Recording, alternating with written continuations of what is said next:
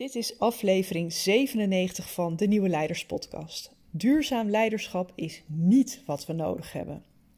En deze aflevering heeft misschien een wat prikkelende titel. En dat is niet omdat ik iets tegen duurzaamheid heb, integendeel. Maar er zit wel een bepaalde connotatie bij het begrip duurzaamheid, waarvan uh, ik denk dat die te beperkend is voor de vorm van leiderschap die we nu nodig hebben.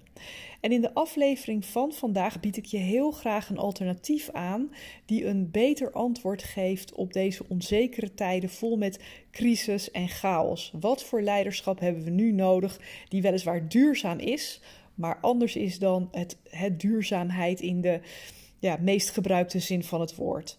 Daarnaast wil ik je heel graag uitnodigen, want als je direct na de vakantieperiode heel graag een boost wil hebben van je inspiratie en ideeën om jouw natuurlijk leiderschap te verdiepen, te vergroten en verder te ontwikkelen, dan nodig ik je van harte uit voor de gratis online training Natuurlijk Leiderschap. Van 5 tot en met 7 september heb ik elke avond om half acht een gratis online masterclass van maximaal een uur met allerlei inspiratie, ideeën en hele praktische oefeningen om direct jouw natuurlijk leiderschap en je impact te laten groeien. Kan je er een keer niet bij zijn, geen probleem. Meld je toch aan voor alle drie de sessies. Dan ontvang je automatisch een link naar de opname die je nog enkele dagen daarna kunt terugkijken. Dus meld je aan. Uh, dat kan via mijn website deimplementatiedokter.nl en dan forward slash training streepje natuurlijk streepje leiderschap. Maar hij staat ook als link in de show notes. Ik wens je veel plezier bij deze aflevering van de Nieuwe Leiders Podcast.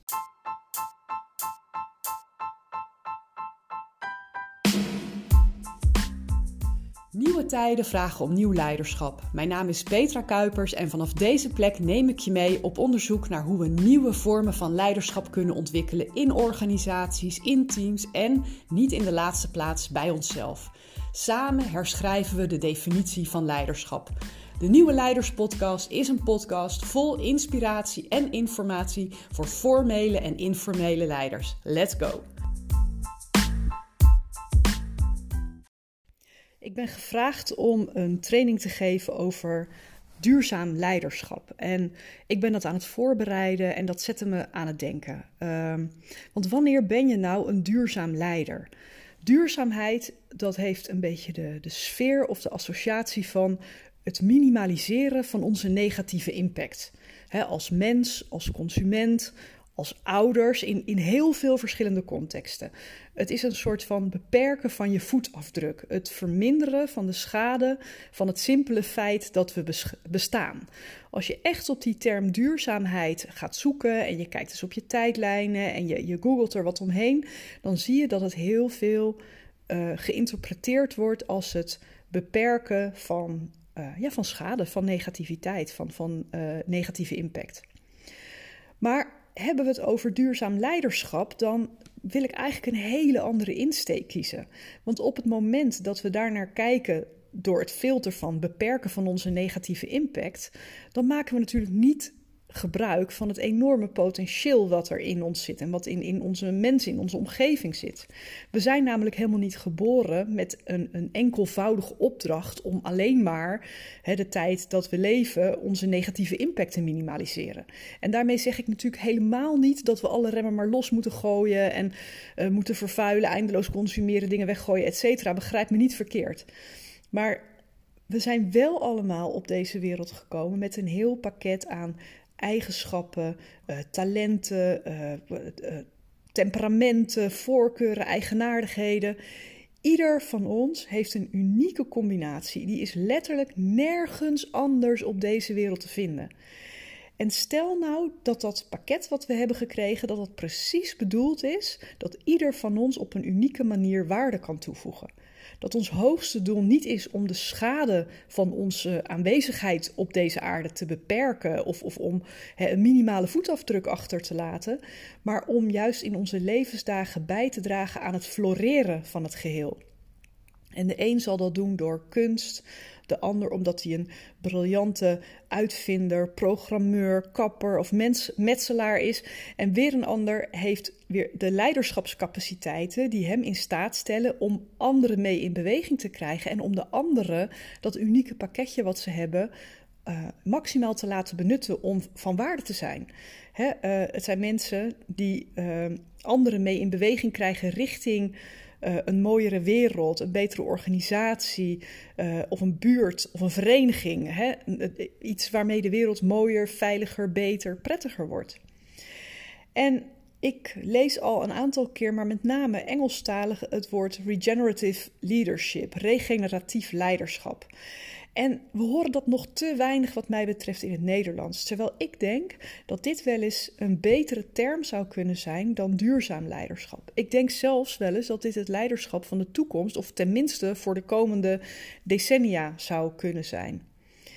Regeneratief leiderschap gaat ook over duurzaamheid, maar dan op een manier die niet puur gebaseerd is op overleving, maar op floreren. En daarvoor is het nodig om een ja, andere vorm van gewaarzijn te ontwikkelen. om niet alleen maar waar te nemen wat er op dit moment gebeurt, maar ook te leren om als het ware de ontvouwende toekomst te lezen. we baseren onze acties um, nu nog vaak op een soort kunstmatig gestolde situatie in het hier en nu. En kijk je naar regeneratief leiderschap, dan kijk je meer naar de beweging. In welke beweging zitten we nu? Wat zien we aan de horizon opdoemen? En we baseren onze bijdrage, onze interventies op die opkomende toekomst. Dus we kijken naar gedragspatronen die we al zien. We kijken naar systemische dynamieken. En we kijken niet puur door een problematische bril van, oh jee, hè, waar, waar moeten we schade beperken?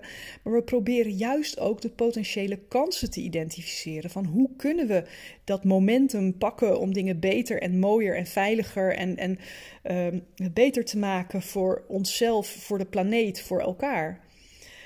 We leren op die manier als het ware te surfen op de golven die op ons afkomen. En we anticiperen op golven die we nog niet zien, maar waarvan we gewoon weten, die komen eraan. En we weten nog niet uit welke richting, we weten nog niet hoe hoog ze zijn.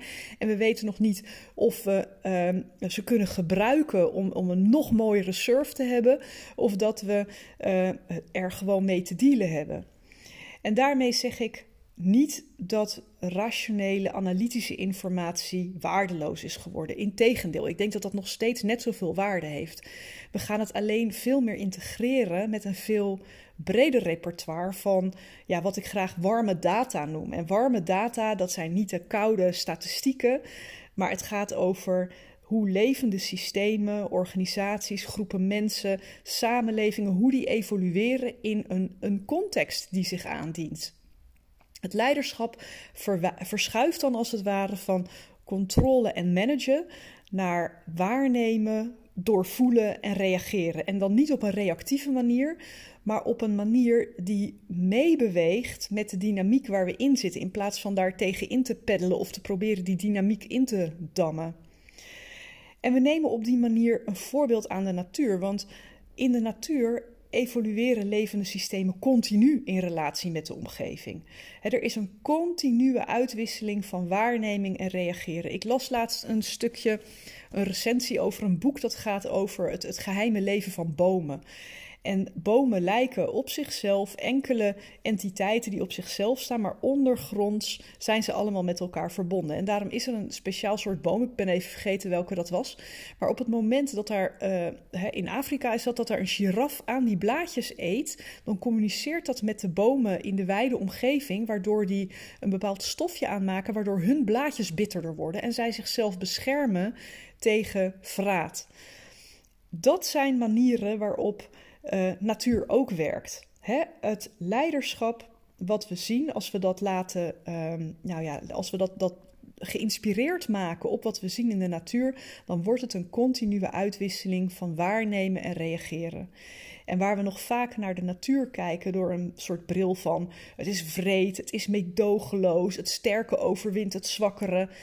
Ehm, en dat is allemaal waar, maar vanuit een ander perspectief is er ook een heel andere dynamiek waarneembaar. Er is synergie, er is een soort energetische uitwisseling tussen uh, de zon, de elementen, de natuur, noem het allemaal maar op. En er is een doorlopend reageren op elkaar en op veranderende omstandigheden. En dat is niks nieuws. Dat, dat bestaat al heel veel langer dan dat wij als mensen op deze aarde rondlopen. De natuur is hier een meester in. Het is gewoon een heel groot voorbeeld. En dat gaat, wat mij betreft, rechtstreeks naar de kern van een verschuiving in leiderschap die ik associeer met duurzaam leiderschap. Het gaat van controle en beheersing naar waarnemen, voelen en reageren. En ik las een hele mooie quote van uh, een antropoloog, Gregory Bateson, en die zei: De bron van al onze huidige problemen komt voort uit de kloof tussen hoe we denken en hoe de natuur werkt. Met andere woorden, als wij meer als de natuur gaan denken, dan dienen de oplossingen voor een heel aantal problemen zich aan en kunnen we ook beter omgaan met de dingen die we niet aanzien komen. Duurzaam leiderschap, of beter gezegd regeneratief leiderschap, dat vraagt van leiders om moed. En dat is moed om minder te plannen, minder te voorspellen, minder te controleren, minder te managen. Daarmee zeg ik niet het helemaal niet meer doen, maar het, ik zeg wel, ehm, we kunnen ons simpelweg niet op alles voorbereiden. We kunnen ons niet tegen alles behoeden. En hoeveel historische gegevens, trendanalyses, forecasts we ook hebben, volledige voorspelbaarheid is een misvatting. De werkelijkheid is niet rechtlijnig en voorspelbaar. Het is complex, het is organisch en het ontvouwt zich continu in interactie met de omgeving, met hoe wij denken en doen, hoe de, de context zich ontvouwt. En daar hebben we mee te dealen. Nou, dat even als een enorme brainwave over mijn voorbereiding over duurzaam leiderschap. Wat ga ik doen in deze training? Ik ga leiders meenemen in een andere manier van kijken hiernaar. En hoe kun je binnen dit gegeven, wat nog nieuw is, wat nog onzeker is, wat nog een beetje zoeken is, hoe kun je hier een soort ja, interne stevigheid in uh, ontwikkelen? Die niet betekent dat je alles klem gaat zetten, maar dat je goed reageert op wat er gebeurt. En dat je ook het de, de surf pakt op het moment dat hij jou juist kan versnellen. Herken er de kansen in en zie het niet alleen als een bedreiging. Nou, dat wilde ik graag met je delen deze week. Ik uh, zie je heel graag weer bij de volgende aflevering. Dankjewel voor het luisteren naar de Nieuwe Leiders Podcast. Was deze aflevering waardevol voor je? Door hem te delen of een recensie achter te laten, help je nog veel meer mensen om de Nieuwe Leiders Podcast te vinden. En vergeet niet de podcast te volgen zodat je niets meer mist. Ik tref je graag bij de volgende aflevering.